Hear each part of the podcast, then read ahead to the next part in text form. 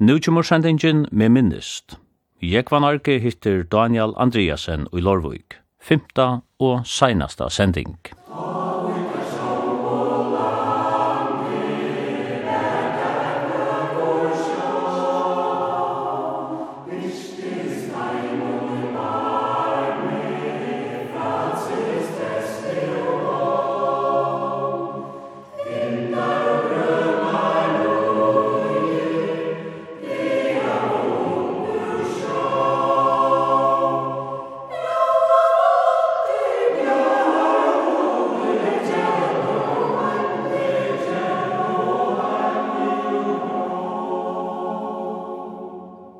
Daniel, du har haft ikke sørst vi utrådta gjerne enn at du Ja, vi har haft nok snakk vi utrådta gjerne, og det kom nok så tilfeldig. Det var ikke at jeg var nekkar utrådta med over, jeg omgande spalt fotboll og kan nekkar selv utrådt. Alt du vet han som er sørst valder, til man valgte li, i skolagæren og noe anna, då jeg simpelthen tog ikke spela fotboll. Men uh, vi tvingade oss sånn, han var øyelig avhår i utrådta, og begynte at uh, spela vi LIF.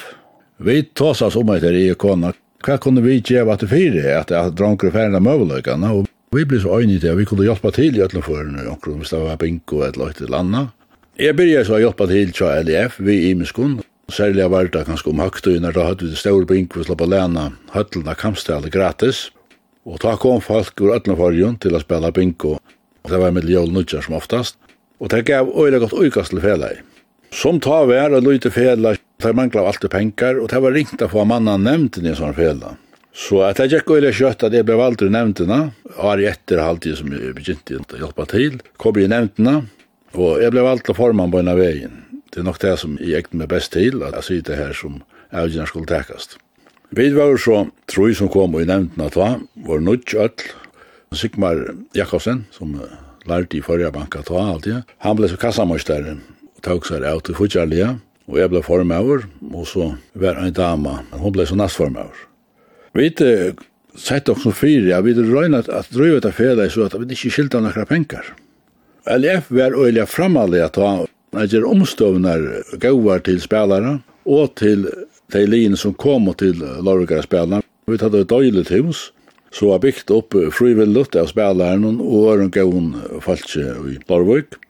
Jeg halte at det sier ikke for nek om å si at, at han som er Arne Vatna var lykka som tjekka åtta fyrir tog jeg få smuja til huset. Vi gavar hjelp fra Sverre Heinsen og alle de spelene som var å ta. Tar brukte kvann leir og hver frilukte til at gjøre det her. Omfram til at nekra som spelaren tar bo i jo i havn. Og tar kulle røysa at largar bei til venning og til at spela. Og brukte av almindelig nekva tog. Men ta var av almindelig godt samband godt vinanleg mittlen feløyne. Det var ikke trobeløy til at høymen av venja til dem som vi på 6-3 eller hapet det var i havnene, og anker minnesten vant i østene vi fram, og så spalte det lokal vi LDF. Hese spelerne tar finke jo ikke nekka fire spela, tar betalt fyrir å slippe spela, Vi platt var røyna at djeva den øyna skekvar og mar, fotballskekvar og kakker og tæva til at tar finke, Alla hina utrøysna vi har røysa atter og fram, ur havnene til Lorvikar og til Dyster, Det måtte jeg betale selv. Men så fra løs så ble vi krøven av sin demøys. Så var det her, hvordan kunne man gjøre det her? Og vi ble så øynige om at uh, tøy som kort til havner og annet, så skulle slippe å kjøpe bensin og stattelstøyen her i Lorvik, og så betalte vi det. Men det var øyelig kjøtt at vi funnet det av at uh, de som arbeidde av skatt, de domte ikke der her, så de måtte stekke etter, og det fengte det ikke. Men så kunne de så få køyrepenger. Det var så fullt lovligt, og det fikk det så at han at her. Jeg ble så verand i ELF og en av tøy. Det gikk opp og nyer. Det var øyelig og tungt. Vi tatt og tar lokale spillerne, og ångte hadde vi noen nalsinga spiller vi, og ångte var noen klaksusinkur. Bygge var jo venner i en av tøy, og vi vinnast om hvordan råkje var om. Det året det enda vi at Og i første skiftet så var det MP som flottet opp, og LIF slapp ikke opp, og det ble avgjort av en skrivarabord. Hetta våre vit og la vi øyla fortørna i ivor. tog at vi mette ikkje at han føydre som vi gjørtur var så mykje staurer at det åtti hatt nekran avvarskan av kappingsna. Vi skriva og at du fram bei leser her bro an om etter her. Det enda i vi til at vi kom ei alfond til høybasamband. Så blei hetta sjåan til òsne diskutera. Og det enda vi at jeg blei nevnt i nevntna til høybasamband. Men så måtte jeg fra som formar i LF til at det er helt ikke husker i sammen å sida ui en lokale fela og vi i fotballsambandet. Fotballsambandet skulle tenke seg av ötlen AH-malen til ötlen fela. Og jeg kom så i kappingarnevntene som ta var hatt, og her var mitt anna Oli Holm, så var en sorinker, jeg minnes ikke navnet, han var så stått opp jo, jeg hadde hatt Jan Pauli, og så var Mellan Mår. Oli ble formaur, og jeg ble kappingarstjør fyrir, det heimlige kappingina. Ta var det sånn annerledes oppbygd i fotballsambandet, Da var det en starsnevnt som var Torla Sigursson og Børge B. Hansen og Morstan Poulsen. Tor tåg var av til iverordnei. Men så hadde det også en landslivsnevnt. Og det var åtta folk som sødde åtta med fotbollssamman. Som det ikke var limer fotbollssamman. Her var Jakob Simonsen, Jens Erik Bagdsen og så Torla Sigursson. Og Morstan var ofta vi her også. Hetta var så en av misnøgt om å se kipan som var at Tor som var valgt i fotbollssamman faktisk ikke hadde vi til å gjøre som hei vi landslige gjøre. Men Torleif er som alltid diplomater, og han rønte som best å få oss mye til sammen. Så det er kort jo en tru fyra år vid det gamle kipan. Her vid sjøvde kappegarnevntene og hinne sjøvde i starsnevntene. Men først av mal vi forholdt vi, det er vært her hva gjør vi vi til vi dømeraselen og annars så vi slipper undan disse her mistøkken. Det enda så vi at vi finko, det sett så oss opp, at det tar i dømmerasjelen vi er gaukjenter av baumfellavnen og av dømeren, så er han gaukjenter så var det ikke det som kom avgjøre disten at han Og det som kanskje ble brøyt atter for jeg fylgja alt jeg var reglun, men, men det var sånn ta. Alle årene jeg sett i pøpa som hadde vi omgang til troplukkar av det var selv natt. Det kom ikke fire atter. Vi tatt jo ikke det store utgjørende. Det var ikke kontor folk. Jan Kjær arbeidde 18 og arbeidstøy av skrivstund til pøpa samannen, og røynti at jeg avkreia til mal som han nådde, og han nådde det meste. Det som han ikke nådde, det hjalp vi til vi. Vi brukte alle okra fritid på pappasammanne, og vi gjorde alt sjolver. Jeg plade å legge kappingene til rattis. Det var nok ting som var viktig. Det var til at det var fyra fel i estrøydene, at jeg ikke spalte i sen, Det det gos var at det var så lengt fra hver nøren som mulig til det spalte samme det.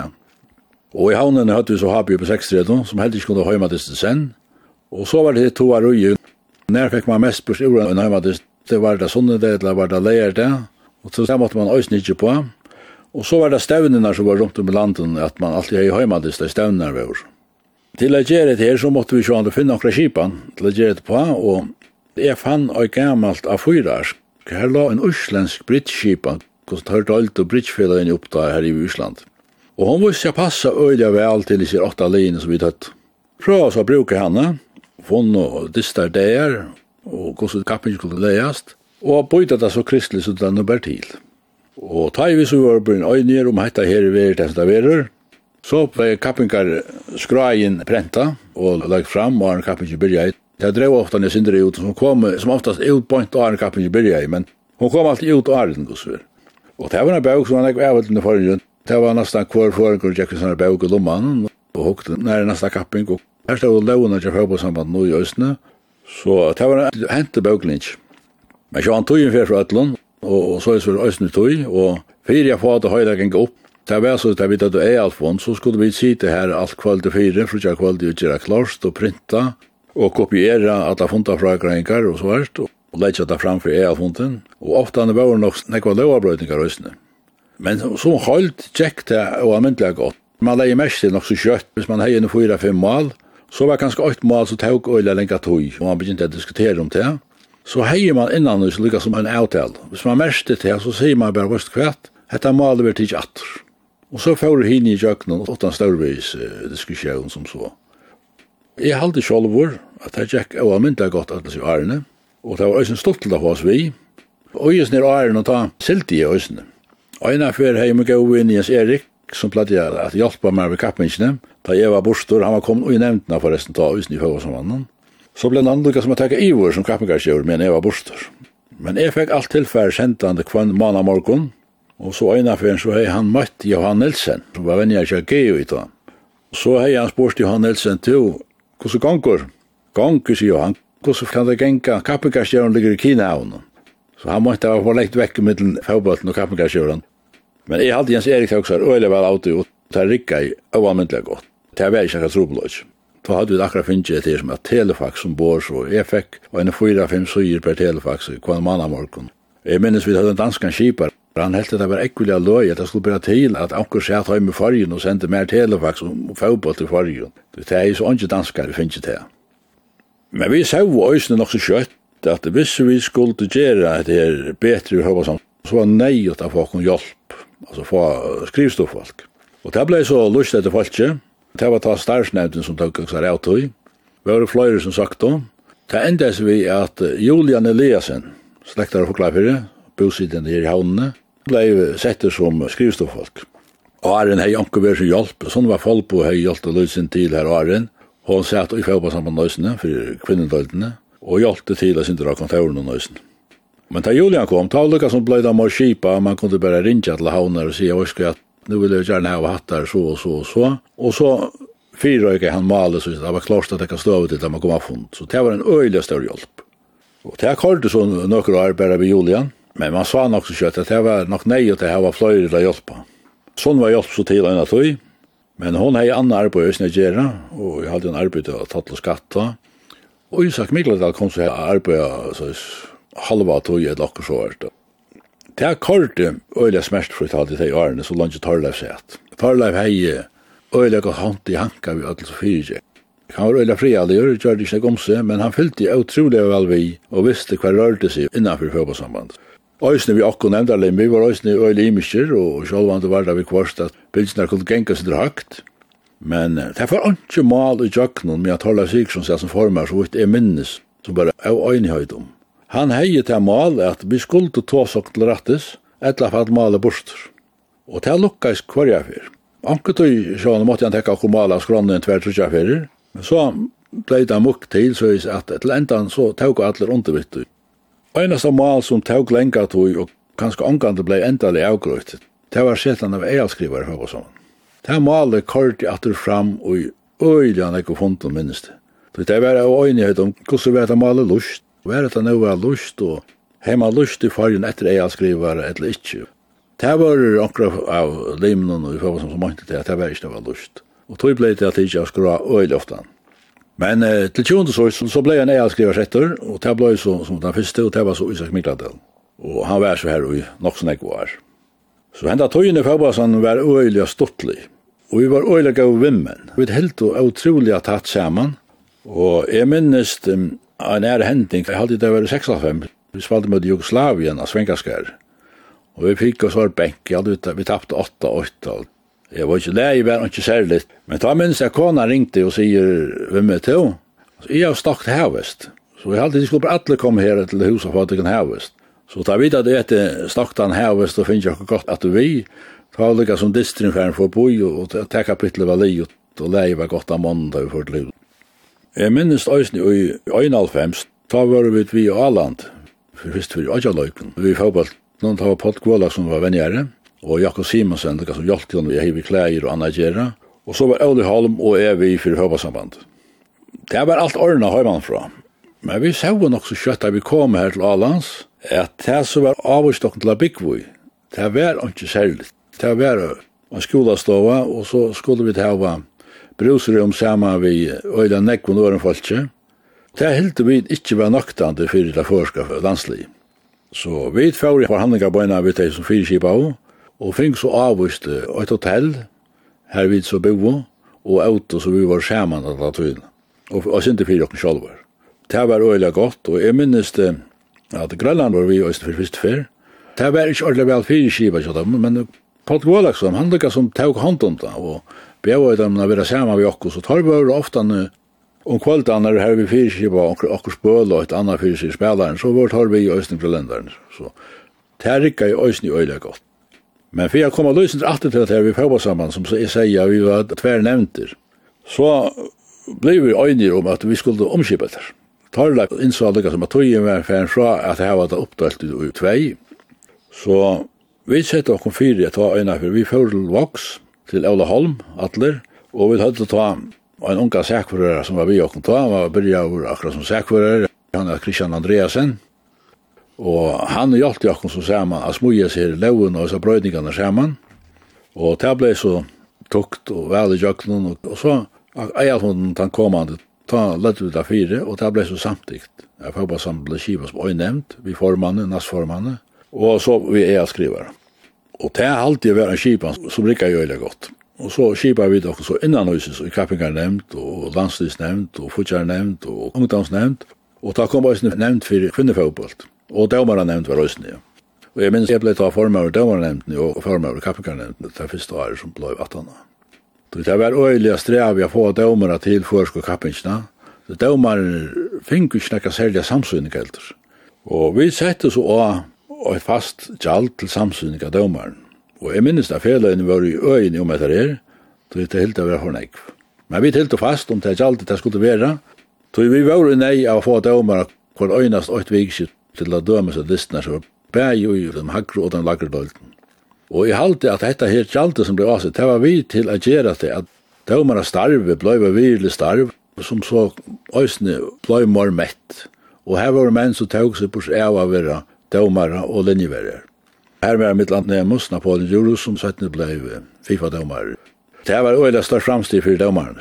Vi rønda ikke omstående så gøyere som mulig, og henne tog inn i fotballsammanskjøren, hun tjekk, og det tjekk kjøtt, og så øynte han jo sier, Torleif, jeg tog han i Gjørsta fyrr, at nå at henne er djevast, men han tog er at hunden ta minnes det at jeg skjedde opp av et utsett og er at hunden, og den tog tog her vi får i kømerne i hafnia og tinga og til rattest, og enden var at, ja, tar bare nok alle nevnte som at jeg legger fra seg.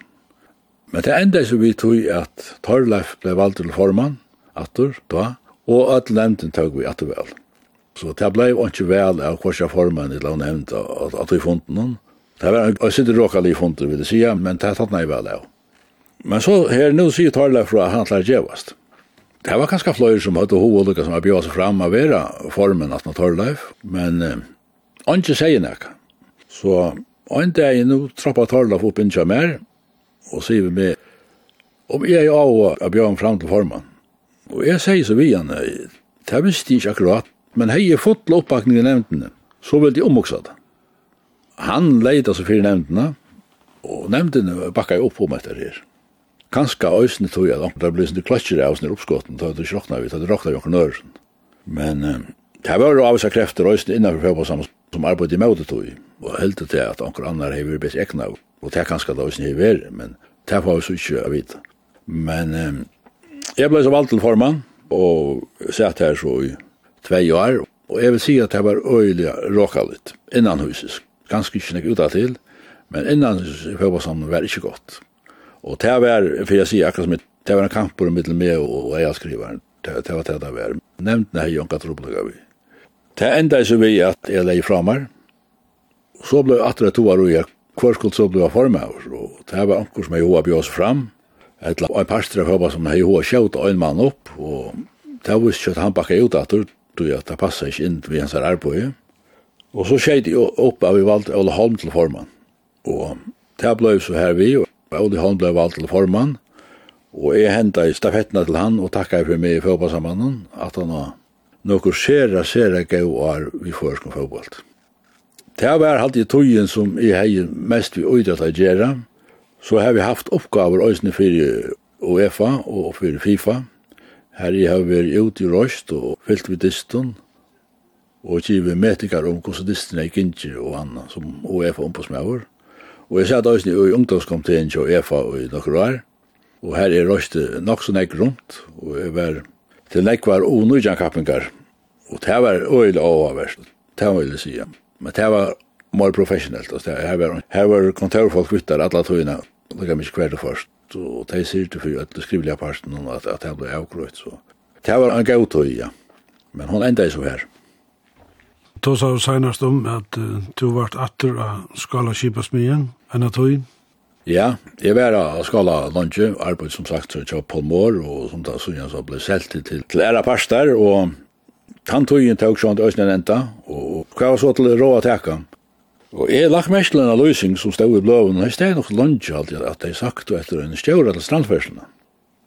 Jeg husker, men jeg tog inn nok færen fra Øsne, Men så alga så ringte jeg Stora Landstøyre, og jeg fikk fatter og Rona Johansen som starveist her, og spurte han om at det er starven. Da løs ikke staten kvar. Ja, hun var Statevek alt annet, og, og jeg var velkomna søtja. Og jeg søtja så starve her, strandførsene, og ble som alle er ikke vant kattla her inn til Samrøve, og, og det er ikke nekker fag i det her, nu ringte, ringte det i Landstøyren. Det var Helena Dama Nestabø som var landstøyrskvinna og satt vi strandførsene at nevnten hei innstilla med som var åkt til å få etter starve, og om jeg vil takke av. Og jeg var så nøyt nøytra, sier vi, jeg er slett ikke klar på at jeg har slett ikke fortalt dette for konen. Og du tala i starven, og strandfellene jeg var jo flott til Soria, at det var ikke bare at jeg ikke var starv, det innebær til at jeg skulle være Soria. Og skulle jeg være Soria, så skulle jeg få være løsende. Så jeg måtte lukka køyre til løs. Ja, men hun ville gjerne ha det tøyden klant 23 over 8, sier hun. Og jeg sier, ja, det klarer jeg ikke. Det måtte bo i til kvalt. Og jeg først til hus direkte, og så var jeg snart, så kom om etter her, og vi ble så øyne der, jo jo, det kunne vi sagt, altså. Hon kom og arbeid, sitt arbeid her norre, og kom så sovert og henne i fru, og begynte vi. Og hvis hun så kunne finne en starv som holdt seg hjelp her i sore, så ville hun søke det. Fikk starve, ja, og bo i alene fra at jeg tok vi, og jeg fikk så sovert. Jakob Danielsen satt som firebilskjører her sore av Strandfersen, han ville ha med stær som skjóta, så han slapp leysra aftur her, til han hei ikke noen fastna bostad her, sori, og bo i hotell, og... Men stemningen av strandfærta ekon så vær øyla gaur. Det vil jeg si at det var flott til sori her, og det var nek nudj folk. Det var øyla ahoy av hoi til a bera til. Og jeg sier som Jakob, ja, ja, men jeg kom ikke på en av veien. Så jeg var så hardt opphangt av kivas minne, at jeg halte i skyldte konen av vi færa en tur i ferie. Og det tjørde vi så av, Vi får en tur til Gran Canaria og var trutja viker i ferie. Så kom jeg hjemme at og byrja så i Starvik av Strandførst. Og jeg kom sår og jeg ble avmyndelig vel med utidgen. Det var øyne spennende arbeid. Men og middag tog så var landstyr så omskipa. Så at eh, det var kommet ikke landstyr som jeg var som tog seg av Strandførstene. Og det var Johan Dahl som var kommet inn landstyr og kom så og tekket seg av Strandførst. Og som alt ikke strandførsene, det var manglet av alt det penger. Så var øyne til større diskusjonen, hvordan skulle strandførsene køyre? Skulle de køyre som et halvkong parstafjellet, eller skulle de køyre stadigvæk som her ankelter politikere kunne komme inn og si at nå skal det være så, og så skal det være så. Og vi kørte grulla frukt, vil jeg si. Putja atlanden, det kørte grulla Leip det av, ja, så hadde vi løyve som, og den øyne stavnen som var rundt i allmenn har flyttet pengene til neste år. Hette hette politikerne sin drilt av. Det att det tar mycket til att det var orat ferdig att vi sparte penger ut år for för att det neste år. Men det var øyelig gott för oss som våra strandferdig. Det vi hade og av så här utrösler av kipen som skulle dock och anna och så kunde vi näck bättre planlägga det vidare. Vi hade pengene standant. Og så var det til evige diskusjonen om hvordan skal torsten sikla, skal han sikla hest, eller skal han ikke sikla hest, og Johan Dahl ville gjerne ha en løsnås nere, altså. Vi arbeidde så vis nir malen om å få en av løsna hestløyene, og jeg helt selv at vi at det finnes jo en av gaua løsna. Og det var så det vi finnes å bata siklen til gamle rat og hest. Kvann det, og eisen tver trusja hun dagen, og så hadde vi torsdagen til å sikla turer her, nei var vi få oljebil ut, og lekka skrell og, og anna. Og hei har haft uh, fondet vi teg, som sagt i hestnevntene, Og det og øysene, høyast det var øyla varsom vi har sier det, at det var nok så gøy løysen, og så slapp det nek tuttar ut i hest. Men de ville gjerne slippe ut ved bilen, du kjørte ikke han hekk ut i hest, og det kunne få oss til høym og så var. Men eh, jeg sier det er viktig, ja, men vi tar bare torsdagen som kommer av og til, og det var bare fyrkipa så at de får turer, til de slipper vi tar turen som han sikter annars ut i hest. Men så smatte, så kom politikker på, og Bøyra i havn tar opp det av dette her, at, at nå var man ved å gjøre brøytingar hestløyene, og det vil det ta lykka som ikke har siden til Jasar, du tar vil det bare hava til større kibet sikkert til hest alltid. Det ble nok sånn jeg funnet av om etter her, og det datt faktisk ni fyr, at politikerne anker hoppa ifra, som så det samgång, at det tar vil ikke stemma ned om det kom nian. Det samme hendte så øysen til at oljan før øyden er opp. Den som brukte mest olje til var smyril. Og vi gjør det så til at vi setter ferien av litt nyra smiril. Det vil si han tok fyra minutter langere sikla det sora tvører. Men sjåan, det tar så politikeren som silt og dagliga, tar opp det etter her og sykja til at nu tek han nekk og nekk alt for langere sikla til sorger. Og begynte å komme inn av strandfersene sneit etter hvor hvor etter væso. Vi krekka oss for sjåan, det er ikke fyrt Da fikk jeg vite akkurat hvor og hvordan det gikk sammen. Nei, det skulle heller ikke være. Det skulle siklas vi fotlar fotlærefer som vanligt, og... men vi skulle alløkalt halda jottan. Og det sier så vidt, det, det blir ikke til. Annarkvart sitter fyrir nyer, og sykla og spæra til oljen som vi nøy å spæra, etla må vi ivstika jottan. Men det enda som vi er, vi blir vi halda fast vi har sikla sinte spekler, og spart og olje og smyrlig, så er vi klara å halda jottan, da er vi av. Og så kom Ari etter, og jottan var ikke hakka, og var helt lakka. Ja, han tar så han rönte allt som han kunde jag hjälpa og och rönte få mer penger, men men det här var ju inte mer penger, det var inte hånd. Och jag har alltid vært något så sjukt att jag avgör og det var som det at det innanför arbeid og konene var heldur ikke arbeid for i Sore. Vi prøver av, og her vil jeg si at Røsli Johan Dahl, han hjalp meg øyne jeg prøver å vite om å skaffe ut et arbeid til konene i Sore. Men det er bare ikke til.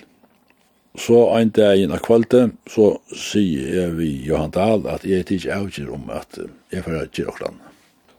Så sier han med min øyne, om jeg ikke kunne røyne å henge og gjøre sin til retrett, det var så døylig fri i restaurantfølgen, det var ikke ønske, det skulle skje noe nækka. Jeg sier, ja, ja, jeg skulle omvokse det, men Konan ikkje fikk arbeid i hore, og jeg skulle være i hore i Håne Larvik, så, så kom jeg til å slutta, tog jeg at jeg har funnet ut Det var så jeg så noe min arbeid i Kjamersk, og han var arbeid i Kruing, og han hei så åpna kontor, eller tar hadde åpna kontor her i havnene, ute i Saltsølene. Jeg fikk så vita, jøgten han til at Mersk mangla enn folk, eller maskinfolk. Så får jeg lukka som jeg kanna til en sinne møyr, hva det var lønnen her, og hvordan var arbeidstøyen her. Og det fann jeg kjøttet til at lønnen var velhakkere, og arbeidstøyen var øysen takk, og ta var det var mest Supply, her korridor, vanlig i Norsk, om fyra viker ombord og fyra landet, og var man ærestens i Angola eller Brasilien, så var det seks viker ombord og seks viker i landet. Og tar man så i trakka i langengen her, så var man leiser av ötlesen her, så at man skulle ikke bruka sånne krefter på at jeg er i frytøyene. Og det var jo i strandførsene tog at i forrige er så små forhold at alt kjente mot nummer som strandførsgjøret. Så telefonen har ringte Øyla Tøyen. Og det var faktisk sjående som var misnøy vidt det var for lite sikling. Et eller annet var for vanlige bater som skilte. Og så var så måtte man tekka samvekka kalsareløyene og sette okkur annan inn. De var ikke nøgt, selv om det var ikke nøgt. var gjør en av verre tjenestene hva de er verre, og det er jo ikke som finnes jo i det skal være hvordan vi det samme eller bedre. Jeg, jeg kom så til det punkt at det ble på en ikke politikker oppe ut i starven i strandførsene, at jeg tok avgjør om at uh, så ikke inn til mersk, men jeg leier meg til å øyne treit vidt jeg søkte, det var at jeg skulle ikke til samråd av sånne drømmer. Og det er etterløk av det. Jeg kom så til Danmark til samråd, Jeg var så her tås av en person, og det gikk godt, og jeg fikk bo i starv. Og dette var uh, i desember måned, og jeg får i starv til Mersk januar måned 2008. Men det var jo så at det var sin trobult vi har släppt ut i Brasilien. Tar det brøtt noen regler vi hvordan man kunne flikva ut til bårplattformene. Og dette ble så vi har dreie ut. Men jeg var så ansett til Tøymon, og jeg fikk lån fra Tøymon fra, fra Tøydeie, og jeg kom så ikke sted for en halvån mars, samme år. Og for iver til Brasilien, og største så i starve her, som første mors der da. Og vær så ute her til Tøymon og i tvei år i Merk Supply. Så kom jeg ved en tilfeldig høyt innan kontoret her, og vi har det engst ofte når man kom for å bo i, og lykka som holdt seg på at da man får om båret eller da man kom hjem. Og det passer ikke ofte at jeg kom foran, så jeg ville gjerne slippe direkte til forrige da vi kom hjem. Men så sa innførende at da jeg så ved jeg seminariet i Svendborg, og så kom jeg så inn her av kontoret og altså på oss falskene. Det var først for i verden kontoren. Og da var som det er Lorsland her, og i Mersk Supply var akkurat skiftet ut, og jeg kom inn til en som heter Ivan Seistrup. Han rønte så at bytja ta tekniske avdøyningen opp at han var kanskje en sinne nye kort. Og så sier han, men jeg skulle huksa meg å komme inn av kontoret i arbeidet nattog, som superintendent. Det var ikke, jeg, jeg er nok så nødt til å gjøre sned til Mersk, og kjenner ikke mannagongter og anna som så. Men eh, jeg vil gjerne hoksa meg om, om, om det blei til det. Jeg hoksa, jo jo, ok, vi fikk så en kontrakt som, som sier til at jeg skulle arbeide i landet. Jeg fikk så med løn som er sjøvnen, og jeg skulle arbeide trutja viker i Danmark og tver viker i Forgen, altså heimanfra. Og jeg fikk en løylig til radio fra Tøymon og Birkerød, som jeg så kunne bygge i, og så kort jeg mittelen her og Lyngby her kontoret ikke, men så pleier vi Men jeg kom, lukket som i elden bøyna veien, til at tidsmann jeg kom til arbeid, nå har vi ringt ut til Brasilien, at her er en bater som hever brått motor, og jeg måtte komme i og bøyna veien. Og jeg først ivor, fikk fatt visum, og, og kom ivor og sa at dette og en større presjon. Så jeg sa motorer, han fikk jo ikke her og nå, Og så fikk, fikk vi noen menn i å vurdere hva vi var til å teka. Var det til at røyna skifta og gjøre han klar han at så kjøtt som mulig. Og det var ikke som at det som var bunker eller bottenramman og som tåren, det var til taks. Men det er jo sånn en supply-skip, det er jo nok så lagt i maskinen, det er ikke nek plass. Så er det hvordan man fikk det til utan å skjere alt om man er, og her stod stod spøl, så det var et øyelt arbeid som man kunne gjøre det, og Jeg fikk så en danskare iver fra Mack-motoren, som det var Mack-motorer, og han kom så iver, og så var vi lykka som hitje på at det samme vi omkring som arbeidde til Amerika, som vi lykka hans tøymen. Og vi ble så øyner om at vi skulle lytta motoren for på under, og så røyna dreie seg her rammen undan og sitta nutt under. Og jeg sett som nyer skriva en mail til henne her Ivan Seistrup, at vil atla vi gjerra så og så, og han spurte atter han, Da han sa at det ikke ordentlig bare til, altså. Men jeg sier videre ble øynene at det fyrer bare til. Og jeg så at det ikke snakket tøytekt. Jeg sier, vi skulle rakna vi øynene mann. Det er helt eller leva i holdt, er utrolig godt. Og han får så gang til å skaffe seg bottenrammen av, for han sendte i Brasilien. Det var ofte han så korrupt i Brasilien. Det var ringt av henne hva fram. Og det sies ofte, han betalte du ikke nok snakk under båret for å få ting inn i land. Så fikk det ikke. Og om tar gjør det det ikke, Det var det slik, det, det er jo ikke kjørst opp. Men det gikk øyelig godt å få det til rammen i vår, og det var en vika så stod han i vår i Nitterøy i Brasilien. Og vi var her en gang, da hadde litt motoren opp. Det var, det var øyelig knoss, det var tungt arbeid, når jeg var talje. Men da en mann var ferdig, da silte bater natt. Så vi klara oppgavene, og det gikk øyelig godt. Og Ja, vi var glade og alle var glade til at jeg få skipet etter vinner. Men så hendte det samståndes faktisk. Så vidt er litt ned. Nå kommer eldre øya en merk skipper nere i Angola. Og det er nok så større eldre. Maskinrummet brennes alt opp. Og det som verre var at anker av mannen døg og bor. Og så ble det diskutert hva gjør vi? Altså, hvordan hvordan så får vi skipet vekk igjen så kjøtt som mulig til fire at uh, det ikke blir beslaglagt. Det er særlig at du at uh, jeg er med over det ombord. Men det er først nekker manns niden Langola, og tar fink så ser man vi tog som var første møster eller andre møster ombord, rykka sinte tid så der fink lyd sinte av, av streim til skipet, og så ble ått av siste skipen, så tøk han på sløyp, og sløyp han opp til Gran Canaria. Så ta tøk man det sinte bare avslappet Da man kom lukka som ut og marskir til Angola, så man var slappet vekk fra tøye. Det kunne tidsi øyla lenga tøye hvis skipet blei opplagt her, og man skulle finne til hva var hent og alt det der. Og det som var hent var nok sånn, en menneskeslig feiler, og det var så ikke, det blei bare konstatera, og vi skulle røyna på skip i atter. Og så var skip sånn, det er her øyla nek utsyn og bor, alle motorene, han er fyra hovmotorer, de mot alle tegast i bot, Så det er vi eldre, alle, alle kaplar, alt det elektriska brent, og, og det samme var alt det elektriska.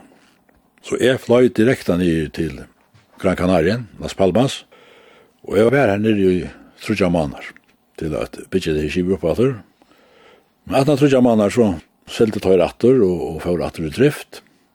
Så kom jeg så hjem til Danmark. Men medan jeg var, jeg sier Trudja Manar, så sier Vittor her i København at uh, Hetta var så lengt utanfor alla avtal som jeg vidt høyre, altså. Så jeg skulle arbeide trutja vikker i København og tverre forrige, det var atlan, og nå er jeg vært fyra mannar vekk, og omgande vi i København, og omgande vi i fyrjen. Og så har jeg vitt om det var bare tid å få kona nere til Las Palmas. Det var ikke problem, tar flo og kona nere, så hon fikk en høyla mana nere til Las Palmas, og nytte til ferien. Og jeg kom så om kvaldaner og kordja sted, klant 6 om 8 han rattur, så. Så det var finnast det Og da enda oppgaven var det, så fører vi sånn til, til København, eller kona var ferdig høymen ekko arren, og jeg kom så atlan nå. Og så arbeidde jeg kontoren her og gjønna tøy, men vi var så avmynd i la manna i. Det vil si at det var ikke så nekve menn som hadde finnes nekve vi at dokka skip og anna. Hva, vi hadde holdt utrolig godt folk om båra skipen. Det her var ikke slinker i valsen. Så en affær så sier jeg der med om jeg kunne fære i Kanada, at jeg av ditt og bare noen baten her i Så Det manglet, det var utstandande, det skulle gjerast einar for mar. Og jeg røynte lukka som modet sin møte, så jeg er ikke vise kipen i Kanada gjerra. Men enda var så at jeg sier, ja, jeg skulle færa, og færa sted, og det var faktisk en fyrne tur, det kipen var øyelig konstant konstantia river, og det var kjøttkjørst, og men jeg er ikke her, nu ringer telefonen, og nu var det en bater som arbeidde i Australien, og her var det så strengt, Da han var kommet ut om åkjer man arbeidde, og han slapp ikke inn etter, han for dokka, rønsa botten og anna, og han skulle til Singapore. Og jeg kunne flikka ned til Singapore uh, og gjøre dette dofsingisene. Ja, ja, jeg først var sted, det er Jack som sånn, Jack, det var Jordan, og, og så kom jeg hjem etter. Og jeg minnes da, i middelend i då at jeg fyrir nær. Ta ringte jeg hjem, så jeg vet det, at det var jo julemanna, at jeg sier opp her og nå og ville slippe ut at vi sykla. Det var jeg sinter at hun. Og så gitt jeg vet det, jeg har øyla ikke ferie til gauar. Det var sånn Ivan Seitz og sier, det kjente jeg nok til.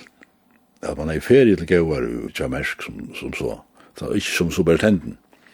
Nei, sier men jeg har en grøy avtale til ikon, at jeg har fru leier til sånne det, og jeg har arbeid kvann leier og kvann sånne det, så jeg bryr jeg.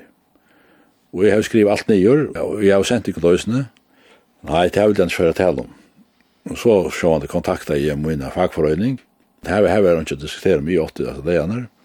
Og min, at han som var sjef som er, sier vi med bøyna veien, og skal Daniel, jeg batch det 100% opp, du skal ikke gi oss det tog, hvis det kommer her til nå. Nå, men vi tar også en fond, jeg kom til København, og jeg leier etter å Båre, sier så og så, i øye seks og en halva måned til gøyere ferie, og det vil jeg ha underskrivet her og nå. Og hvis Ivan, han var sin oppfærende, grulig oppfærende.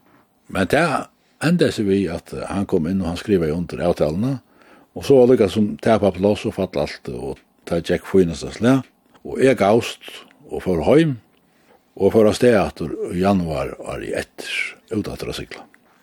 Den tøyen som jeg så silti ut i etter et, så jeg mer supply, hun var ikke så langt, at jeg kom på en skip som silti nere i Angola, og jeg var ringt av visum til, og det tjekk og litt av visum, og så var det så at jeg kollega som nu kjente jeg som arbeidde i skrivelsen, og i som arbeidde til Mersk Lein, og jeg sier vitt det her, om det ikke var mulig å komme ut til Mersk Lein.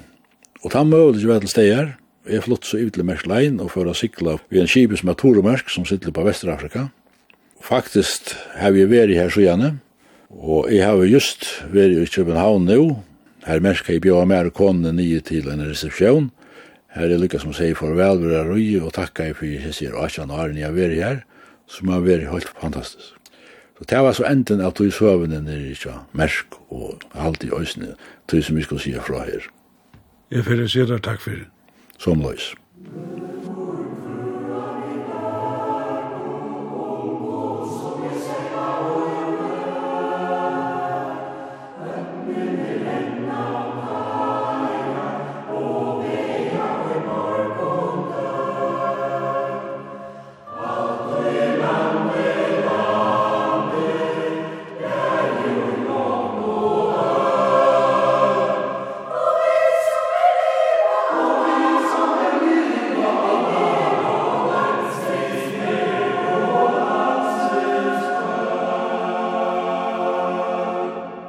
Ekva Narki hefur hitt Daniel Andreasen ur Lorvuk. Hetta var fymta og seinasta sending.